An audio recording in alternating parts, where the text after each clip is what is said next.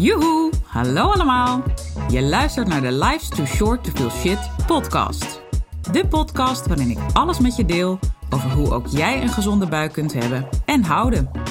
Mijn naam is Denise Boon en ik ben orthomoleculair darmspecialist voor ondernemers. Hoe hou je de dierentuin in je buik onder controle, zodat jij de regie hebt over je buik en je alles uit je leven kunt halen wat je wil? Zoals knallen met je business, met energie voor 10. Ik neem je mee op reis, want let's face it, life's too short to feel shit. Leuk dat je weer luistert naar aflevering 70. Toch wel echt een klein mijlpaaltje, hè, dit. En uh, je kent me inmiddels langer dan vandaag, dus ook dit keer heb ik een triggerende headline voor je, voor deze aflevering. En wel, we zijn allemaal verslaafd. Dus jij ook. Ben heel benieuwd of dat meteen een enorme weerstand bij jou opriep. Of dat je dacht, oh ja, die voel ik en die herken ik. Toch ben je gaan luisteren, welke het ook is. En dat vind ik heel erg tof, want ik wil het een en ander met je delen over verslaving. En dat klinkt meteen heel heftig, hè, verslaving. Misschien denk je wel van, nou, ik ben niet verslaafd hoor. Maar misschien ben je dat stiekem wel. Want denk maar aan je telefoongebruik. Of elke dag die paar bakken koffie die je drinkt. En dan stiekem toch nog even eentje meer dan je eigenlijk wilde. Maar je kan ook verslaafd zijn. En verslaafd klinkt heel negatief hoor. Maar ik, ik hou wel van hem even scherp neerzetten. Dus dat blijf ik lekker doen. Je kan ook verslaafd zijn aan groene thee. Dus het kan ook een hele onschuldige verslaving zijn. Verslaafd aan aandacht. Chocola hoor ik heel veel. Zeker van mijn vrouwelijke cliënten. Uh, niet altijd alleen in, uh, rondom de menstruatie, maar ook vaker. Hè. Ik had laatst een klant en zij wilde eigenlijk het liefst elke dag wel wat zoets en het liefst chocola nemen. En gaat dan ook, hè, neemt het er vaak ook van. Um, en daar zit vaak ook wel iets anders aan, gaat er aan ten grondslag. Zeker als suiker hè, in, in general een behoefte is, daar heb je me al vaker over gehoord kan dat betekenen dat de dierentuin bij jou ontploft is. En dat vanuit die beesten, hè, die beestenboel, dat je gewoon een grotere suikerbehoefte hebt. Omdat sommige beesten zich voeden met glucose en suikers dus. Dus denk aan gisten, schimmels, maar ook parasieten.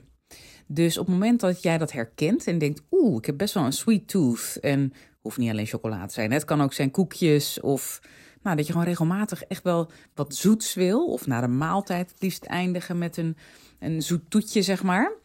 Uh, en dat stiekem wel een soort default setting is geworden in plaats van af en toe even.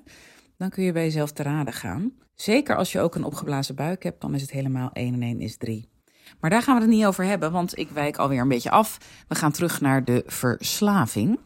Ik noemde alleen even chocola als um, voorbeeld. Ander voorbeeld, om je weer eventjes daarin te inspireren en bij jezelf de checkvraag te stellen uh, een wijntje aan het eind van de werkdag. Of dat je misschien al uitkijkt naar dat wijntje wat je op vrijdagavond van jezelf mag. Of in het weekend. En dat je dan het liefst twee, drie, vier glazen neemt. Hè, laatst sprak ik iemand en die had het over een flesje vanavond in zijn eentje. Toen dacht ik, oeh, dat is ook een interessante. Ik hou van een glaasje, maar hij had het over een flesje. En dat was niet alleen op zaterdag een fles, maar ook op zondag een fles. Nou ja, zo zie je maar en hij heeft dat niet door. Ik ken de man al langer. Uh, ik weet zeker dat hij het niet door heeft. Maar ik denk dan, ja, dat is eigenlijk ook gewoon een verkapte verslaving. En zo'n glaasje alcohol, ik houd nu even bij een glaasje, dat haalt zo lekker de scherpe randjes van de dag af. We hebben hard gewerkt, uh, we verdienen het ook, we gunnen het onszelf. En ik zeg nu alcohol, maar hetzelfde geldt voor chocola, chips. Ik ben zelf een enorme chips lover, zoals je misschien weet. Ik ben ook een koffielover. Dus dat zijn mijn guilty pleasures. Chips kan ik makkelijk van afblijven, uh, koffie niet. Dus koffie is absoluut mijn nummer één verslaving. En ook mijn telefoon, daar zit ik ook veel te veel op. Dus ik zou zeggen koffie op één en telefoon op twee. Absoluut die van mij. Ik even te denken of ik nog een derde kan uh, verzinnen. Ik heb niks met zoet meer. Nou, misschien dan toch chips op drie. Maar ja, daar kan ik ook wel heel makkelijk van afblijven. Dus de eerste twee zijn echt moeilijke vormen, hè? de koffie en de, en de telefoon. Dus ik ben heel benieuwd wat het bij jou is. Mag je met me delen, hoeft niet. Maar ga vooral bij jezelf echt even goed te raden wat het is. En denk niet van, oh ja, hè, nou, verslaafd ben ik echt niet hoor, dus die voel ik niet. Want als je getriggerd wordt op welke manier dan ook, dan zit daar een kern van waarheid voor je in. En dan kan je maar beter de waarheid tegen jezelf ook spreken, anders dan schiet het niet op. Maar hoe kom je nou aan zo'n verslaving? Waarom um, zijn we eigenlijk met z'n allen, in ieder geval dat is mijn waarheid, uh, telefoonverslaafd? Waarom is het zo moeilijk om die social media niet aan te klikken en daar een paar uur vanaf te blijven? Of je WhatsApp, kan natuurlijk ook zijn. Uh, bij de jongeren, Snapchat en, en YouTube Shorts. Mijn kinderen kijken YouTube Shorts, dat vinden ze echt geweldig. En als ik dan zie wat ze kijken, denk ik echt, wat vind je hier leuk aan? En aan de lopende band. En intussen 180 snaps. Uh, wat hebben ze nou nog meer? Nog zo'n andere app? Nou, ik weet het niet eens. Uh, overal gaan de plingetjes vliegen je om de oren. Ja, hmm, hoe komt dat? Nou, ik weet het wel. We hebben met z'n allen een dijk van een dopamine tekort. Niet een beetje, een dijk. En hoe komen we nou aan zo'n dopamine tekort? Misschien herken je het wel vanuit gediagnosticeerde uh, aandoeningen zoals ADHD en ADD, hè, dat is ook dopamine gerelateerd. Um, er zijn ook heel veel mensen die niet zo'n diagnose op zak hebben, maar wel degelijk met een behoorlijk dopamine tekort rondlopen. En ik ben natuurlijk niet voor niets op die darmen gaan zitten. Um, er zijn zo ongelooflijk veel oorzaken van veel verschillende soorten klachten, Um, vaak vage klachten, zoals dit ook. Dit kun je ook als een klacht zien, misschien ook niet. Het is een beetje een verstopte, maar het is wel iets heel vervelends. Ik ga je zo nog meer dingen vertellen die gelinkt zijn aan lage dopaminegehalte. Um, maar het is wel inderdaad, ja, wat ik zeg, het is gewoon vervelend. Dus het is misschien niet per se een klacht, maar wel iets waar je last van kan hebben. Uh, en wat dus bij heel veel mensen een rol speelt. En bijna bij al die dingen zit dus de oorzaak in de darm, dat wilde ik zeggen. En zo ook hier, in ieder geval voor een heel groot deel. Want wist jij dat maar liefst 50% van de dopamine aanmaak plaatsvindt in je darmen? Let this one sink in, please. Net als bij serotonine, andere neurotransmitter, uh, daar gaat het om 95%, mind you, wat in de darm wordt geproduceerd. En daarna vervolgens naar verschillende plekken in het lichaam gaat, waaronder in de lift omhoog, geldt ook voor dopamine, uh, naar je brein, om daar heel veel um, functies uit te voeren. Nou is er bij serotonine bijvoorbeeld je gemoed. Hè? Dus als je last hebt van mood swings of je slaapt slecht, kan uit heel veel hoeken komen, maar zeker serotonine speelt er vaak ook een rol in, omdat serotonine de bouwstof is van, uh, bouwstof is, sorry, van melatonine, het slaaphormoon. We gaan nu weer even terug naar de dopamine, want we houden een stukje focus. Uh, want ik dwaal af nu naar serotonine, maar ik pak hem weer terug op dopamine. En dat is meteen ook focus. Als je minder focus hebt, is dat ook al zo'n aanwijzing dat je lager in je dopamine zit. En er zijn er nog meer, kom ik zo op terug, want ik wil even mijn verhaal afmaken. Vanuit de darm wordt het dus omhoog, hè, gaat het in een lift omhoog. En wat doet dopamine dan in je brein als het daar komt? Heeft heel veel verschillende um, uitwerkingen en, en, en um, hoe zeg je dat? Ik wilde zeggen eigenschappen, maar dat klopt niet. Um, functies, yes, daar is hij. Heel verschillende functies. Focus noemde ik net al even. Hè? Dus het zorgt ook echt dat je goed kunt concentreren en langer je aandacht kan uh, vasthouden. Maar als we hem heel breed pakken, het is ook een, een stukje levensgeluk. Dus waar serotonine meer zit op de moed en het gemoed en dat in het moment heel erg kan verschillen. Hè? Dus je kan, uh, nu is Jantje, Jantje lacht, straks is Jantje huilt. Is uh, levensgeluk is iets groter is veel meer overkoepelend. Een beetje de glans van het leven. Als je de glans van het leven verloren bent, ja, waarom zou je nog in actie komen? I don't care. Het is dus niet per se depressief of down. Dat is meer serotonine. Het is een beetje een fine line, hè? Maar misschien snap je al wat ik bedoel met als ik zeg de glans van het leven. Als dat er een beetje af is. Je kunt niet echt lol meer beleven aan dingen. Dat is bijvoorbeeld ook echt dopamine. Nou, wat zijn nog meer dingen? Want die had ik je net beloofd. Focus, hè, glans van het leven, maar ook eh, besluitvaardigheid. Als jij super besluitvaardig bent, gaat vaak ook gepaard met een hoger testosterongehalte. Daarover meer in een van mijn vorige podcasts. Ik dacht nummer 68 of 67. Uh, dus als je er benieuwd naar bent, luister die nog even. Dan bas je van het zelfvertrouwen als die aap op de rots. En uh, dat merk je dan dus ook aan je, aan je dopaminegehalte. Um, en ook je besluitvaardigheid. Want jij hoeft niet na te denken over iets. Je denkt gewoon, oké, dit zijn de opties. Bam, ook vanuit dus die zelfverzekerdheid uh, ben je gewoon heel snel besluitvaardig. Zit je lager in je dopamine, dan ga je dus eerder uitstellen. Dus dan zie je alle opties en dan denk je, mm, ja, zit in beide zit wel wat, wat in. oeh, dit kost mij toch best wat energie om hierover na te denken. Dit kost mij ook breinenergie. Jawel, dat is een belangrijk verschil met gewone energie tussen aanhalingstekens. En breinenergie is ook zo'n functie van dopamine. Zit je hoog in je dopamine, heb je goede breinenergie. Dan kun je snel schakelen.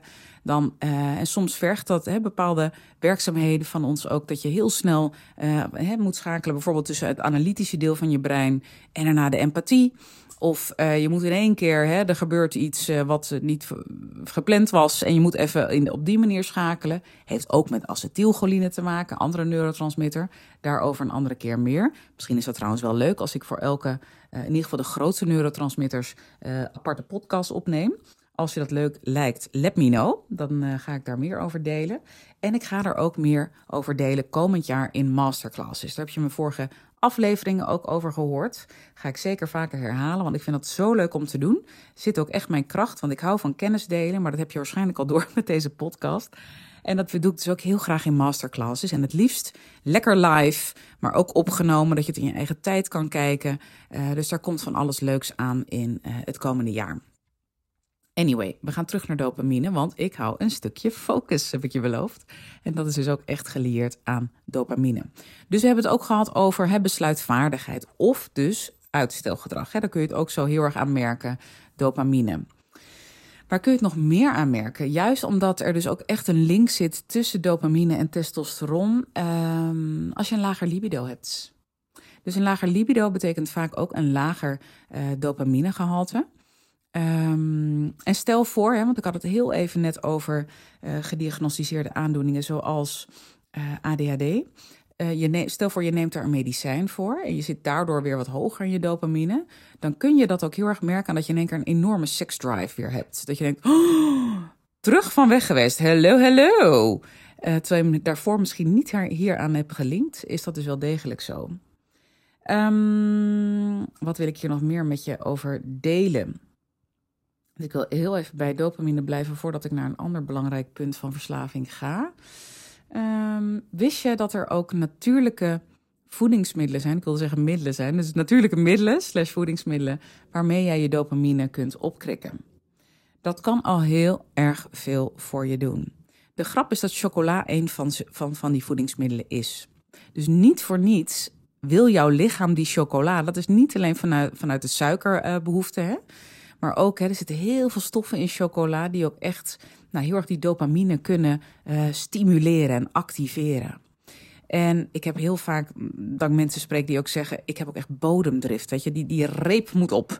Of die, die whatever het is. Uh, ik kan even niks verzinnen nu. Ik zit nu heel erg aan chocoladeletters en zo te denken in deze tijd. Uh, ik neem deze in december op, mocht je dit een keer in januari of zo luisteren. Um, maar dat kan dus echt zijn vanuit zo'n dopamine tekort, dat je lijf er echt naar craeft. Dus niet alleen die dierentuin die ik eerder deze aflevering noemde, kan dus echt ook vanuit een neurotransmitterdisbalans kan zo'n craving komen. Nou, ik noemde af en toe al even testosteron. Dat ligt dus ook heel erg in elkaars verlengde, de neurotransmitters en de hormonen. Er zitten ook linken tussen beide. Uh, hele boeiende systemen allebei. En ze raken ook allemaal de spijsvertering. Dus dan is de cirkel weer lekker rond. En het maakt ook meteen weer lekker complex. Maar het is toch echt wat het is. En uh, dat maakt ook, zeker als ik even kijk naar ons vrouwen. Als wij in onze menstruatietijd zitten, um, de meeste vrouwen hebben dan ook een verhoogde zoetbehoefte. Komt ook vanuit vaak een tekort aan progesteron krijgen we ook meer zin in zoet. Want dat heeft direct is dat op van invloed op onze glucosehuishouding, hè, bloedsuikerspiegel. Maar goed, daarover een andere keer meer. Misschien heb ik er ook wel iets over gedeeld in de drieluik over de hormonen, weet ik niet. Dus bear with me.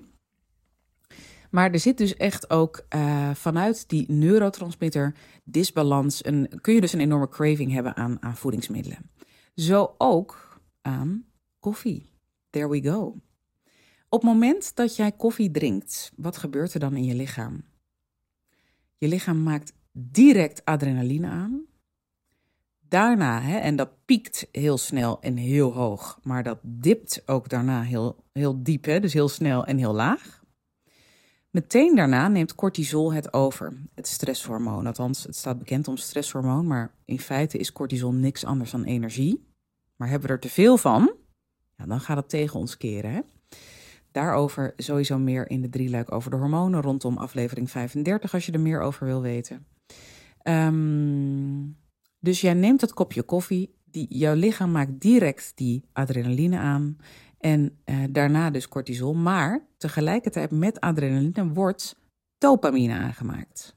Dus je wordt letterlijk gelukkig van een kopje koffie drinken. Althans, de meeste mensen. Niet iedereen, maar de meeste mensen wel. Waarom niet iedereen? Dat heeft ook te maken met de SIP-enzymen in je lever. Nou, nu wordt het echt complex, dus ik ken mezelf. Voordat ik hier nu even op inga, ik wil een stukje focus houden, want we hebben het over dopamine. Daarover een andere keer meer. Punt, Denise. Oké, check. Um, terug naar het kopje koffie. Dus dat is waarom je dus echt letterlijk gelukkig wordt of kunt worden van het drinken van een kopje koffie. De, hoe lang je er gelukkig van blijft, verschilt dus ook heel erg per persoon. Want als het heel erg uh, jouw cortisol levels aanjaagt, en dat doet het per definitie, maar als het dus hoog blijft en langer hoog blijft, die cortisol, Um, en het geeft je hartkloppingen, want het doet ook iets met je histamine. Bij de meeste mensen valt dat overigens mee. Dus als je een histamine-intolerantie hebt, kun je meestal wel één kopje koffie verdragen. Um, hè, misschien twee ook, maar ik zou niet meer dan twee drinken. En als je het echt heel erg lekker vindt, hou die ene erin. Maar ga goed voelen, want dat zeg ik altijd, dat weet je van me. Uh, neem alles, uh, nou niet per se neem alles aan, maar neem allerlei informatie tot je, wat ik met je deel. Je volgt vast ook andere mensen allemaal top, maar ga vooral ook zelf na bij wat vind ik logisch. What makes sense en vooral wat werkt voor mij. Ga dingen proberen. Ga voelen. Hè, meer voelen ben ik groot voorstander van. En always trust your gut feeling. Terug naar de koffie. Nu snap je dus waarom koffie dus heel erg um, ook letterlijk zo'n verslavingsloop in gang kan houden. Hè? Net zoals chocola. Alcohol doet het ook, maar doet het op een andere manier. Dat is echt meer verdovend, hè? dus pijnverdovend. En het kan ook zijn dat je verslaafd bent aan eten in general. Dus dat je gewoon, zodra je niet lekker in je vel zit of je komt thuis na een drukke werkdag, dat je hop naar je moet iets eten. En bij de een is dat echt een zak drop, de ander is dat chips die ik al even noemde. Ik ken ook iemand die gaat helemaal los op nootjes, dus het kan ook hè, een gezonde variant zijn. Maar het feit dat jij op dat moment een leegte aan het opvullen bent, daar zit vaak ook een ander component aan. Hè? Dus niet per se lichamelijk, maar meer emotioneel. Hè, je wil de leegte niet voelen. En dat willen we dan wegstoppen. En dat stoppen we. We stoppen onszelf als het ware vol. Hele lastige, I know. Maar wel een hele mooie als je dit herkent, om met jezelf in gesprek over te gaan. En eens te kijken, wat is het? Hè? Wat is die leegte waar ik van weg wil lopen? En als het kan en je bent er aan toe, schakel een professional in om op dat level ook dat uit te pluizen. Dat kan een psycholoog zijn, kan ook een energetisch werker zijn, die, uh, en dan pak ik hem even heel breed, die met dat topic met jou aan de slag gaat. Um, kan op heel veel vlakken zijn. Maar doe wat ook hierbij weer, wat bij jou past. Dan wil ik hem nog, nog iets anders met je um, bespreken over verslaving, wat ook een enorme rol speelt bij die verslavingsloop die je in gang kunt houden of in stand kunt houden. En dat heeft te maken met um, additieven, dus toevoegingen in ons. Ik wil het voedsel noemen, maar eigenlijk is ook chips natuurlijk gewoon helemaal geen voedsel. Het is gewoon troep. Ik vind het dan heel, heel erg lekker, maar het is wel gewoon troep. Um, en dat is glutamaat, onder andere. Hè. Er zijn heel veel additieven uh, die ons, le uh, ons leven, ons eten lekkerder maken, althans moeten maken. Uh, maar ook zorgen dat we er meer van eten. Hè. Denk bijvoorbeeld aan vetzin. Bekend van bij de Chinees als smaakmaker. Je gaat er ook meer van eten. Je krijgt er meer dorst van. Dus je bestelt dan ook meer drankjes als je aan het eten bent ergens. En ze hebben dat door het eten gedaan. Dus je bent eigenlijk je lichaam op dat moment aan het trucken. Maar heel veel mensen hebben niet door dat dat in hun eten zit als ze ergens gaan eten. Het is niet zo dat alle restaurants dat doen. Hè? En ik noem nu de Chinees, maar um, dat, andere restaurants kunnen dat natuurlijk ook doen. En andere uh, hoe noem je dat? Uh, vanuit andere keukens gezien. Maar het is wel dus een, een, nou ja, een, een hele verslavende stof. En dat werkt dus ook zo bij glutamaat. En glutamaat zit in heel veel dingen. Denk even, ik noemde net de chips.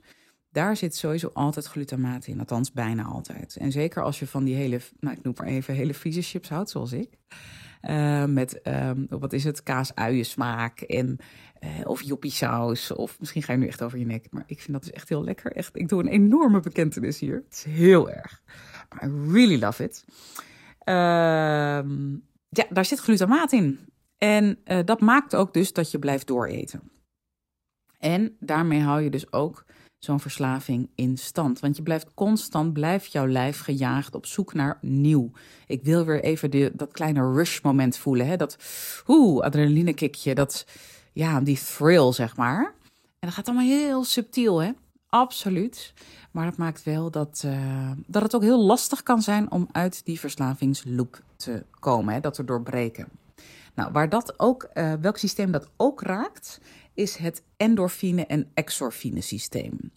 Mega boeiend, althans. Toen ik daar meer over leerde, zat ik echt op het puntje van mijn stoel. Meine goede. Um, daar wil ik heel graag ook een andere keer meer over delen.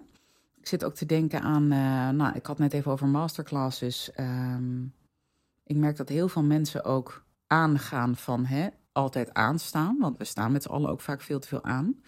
Daar kan ik ook veel meer hierover delen, over zo'n exorfinebelasting. Mega boeiend. Gaat dit ook verder aan bod komen? Maar ik moet mezelf nu inhouden. Misschien denk jij, nee, ga maar lekker door, Denise. Ik vind het wel leuk. ik hoop dat je dat denkt, dat is een goed teken. Uh, maar ik zie dat we alweer de 20 minuten gepasseerd zijn. Dus ik moet wel mezelf een beetje aan mijn eigen spelregel houden, dat ik het snackable hou. Uh, dus ik ga nu afronden. Maar eigenlijk meteen wel een mooie cliffhanger, want ik vraag natuurlijk heel vaak om feedback. Wil je meer weten over een van de onderwerpen die ik vandaag in de podcast heb aangehaald? Stuur me een berichtje. En je hoeft echt niet hele epistels te schrijven hoor. Doe gewoon lekker kort. Prima. Alleen maar fijn. Maar laat me wel weten, want dan uh, kan ik dat weer meenemen als input voor volgende afleveringen. Ik hoop dat dit waardevol voor je was, want dat vind ik altijd heel erg fijn en ook heel leuk om te horen. Uh, en ook als je het niet laat horen, hoop ik het nog steeds. En ik hoop ook dat je de volgende keer weer luistert. Ik heb geen idee waar ik het volgende week over ga hebben. Misschien wel over jeuk. Daar had ik het vandaag met uh, mijn transformational cupping therapeut over. Kim, Kim Schat, heel leuk mens. Ga ik ook waarschijnlijk een podcast een keer over opnemen. Transformational cupping. Als je er niks van hebt gehoord of nog nooit van hebt gehoord, let me know. Stuur me dan ook even een berichtje als je er meer over wil weten. Um, en uh, wij hadden het over jeuk en dat heel veel mensen jeuk ervaren. Dus misschien ga ik daar wel volgende week een uh, podcast over opnemen of de week erna. We'll see. Ik wens jou in ieder geval een hele fijne dag en uh, tot de volgende keer. Dag, dag. Toppers, bedankt voor het luisteren. Leuk dat je er weer was. Smaakt dit naar meer? Abonneer je dan even op mijn podcast. Zo zorg je ervoor dat je geen enkele updates mist en dat jij volledig up-to-date bent over hoe jij je buik gezond houdt with fun and ease. En als mijn afleveringen waardevol voor je zijn, laat hem dan even weten. Vind ik leuk.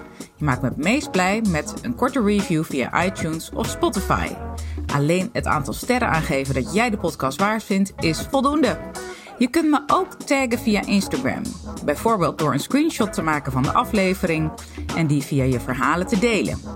Met beide dingen, zowel de rating als de screenshot van de aflevering, maak jij kans op een histamine maandmenu kookboek te waarde van 97 euro. De winnaar maken we bekend in de eerste podcast van de maand. Tot de volgende keer!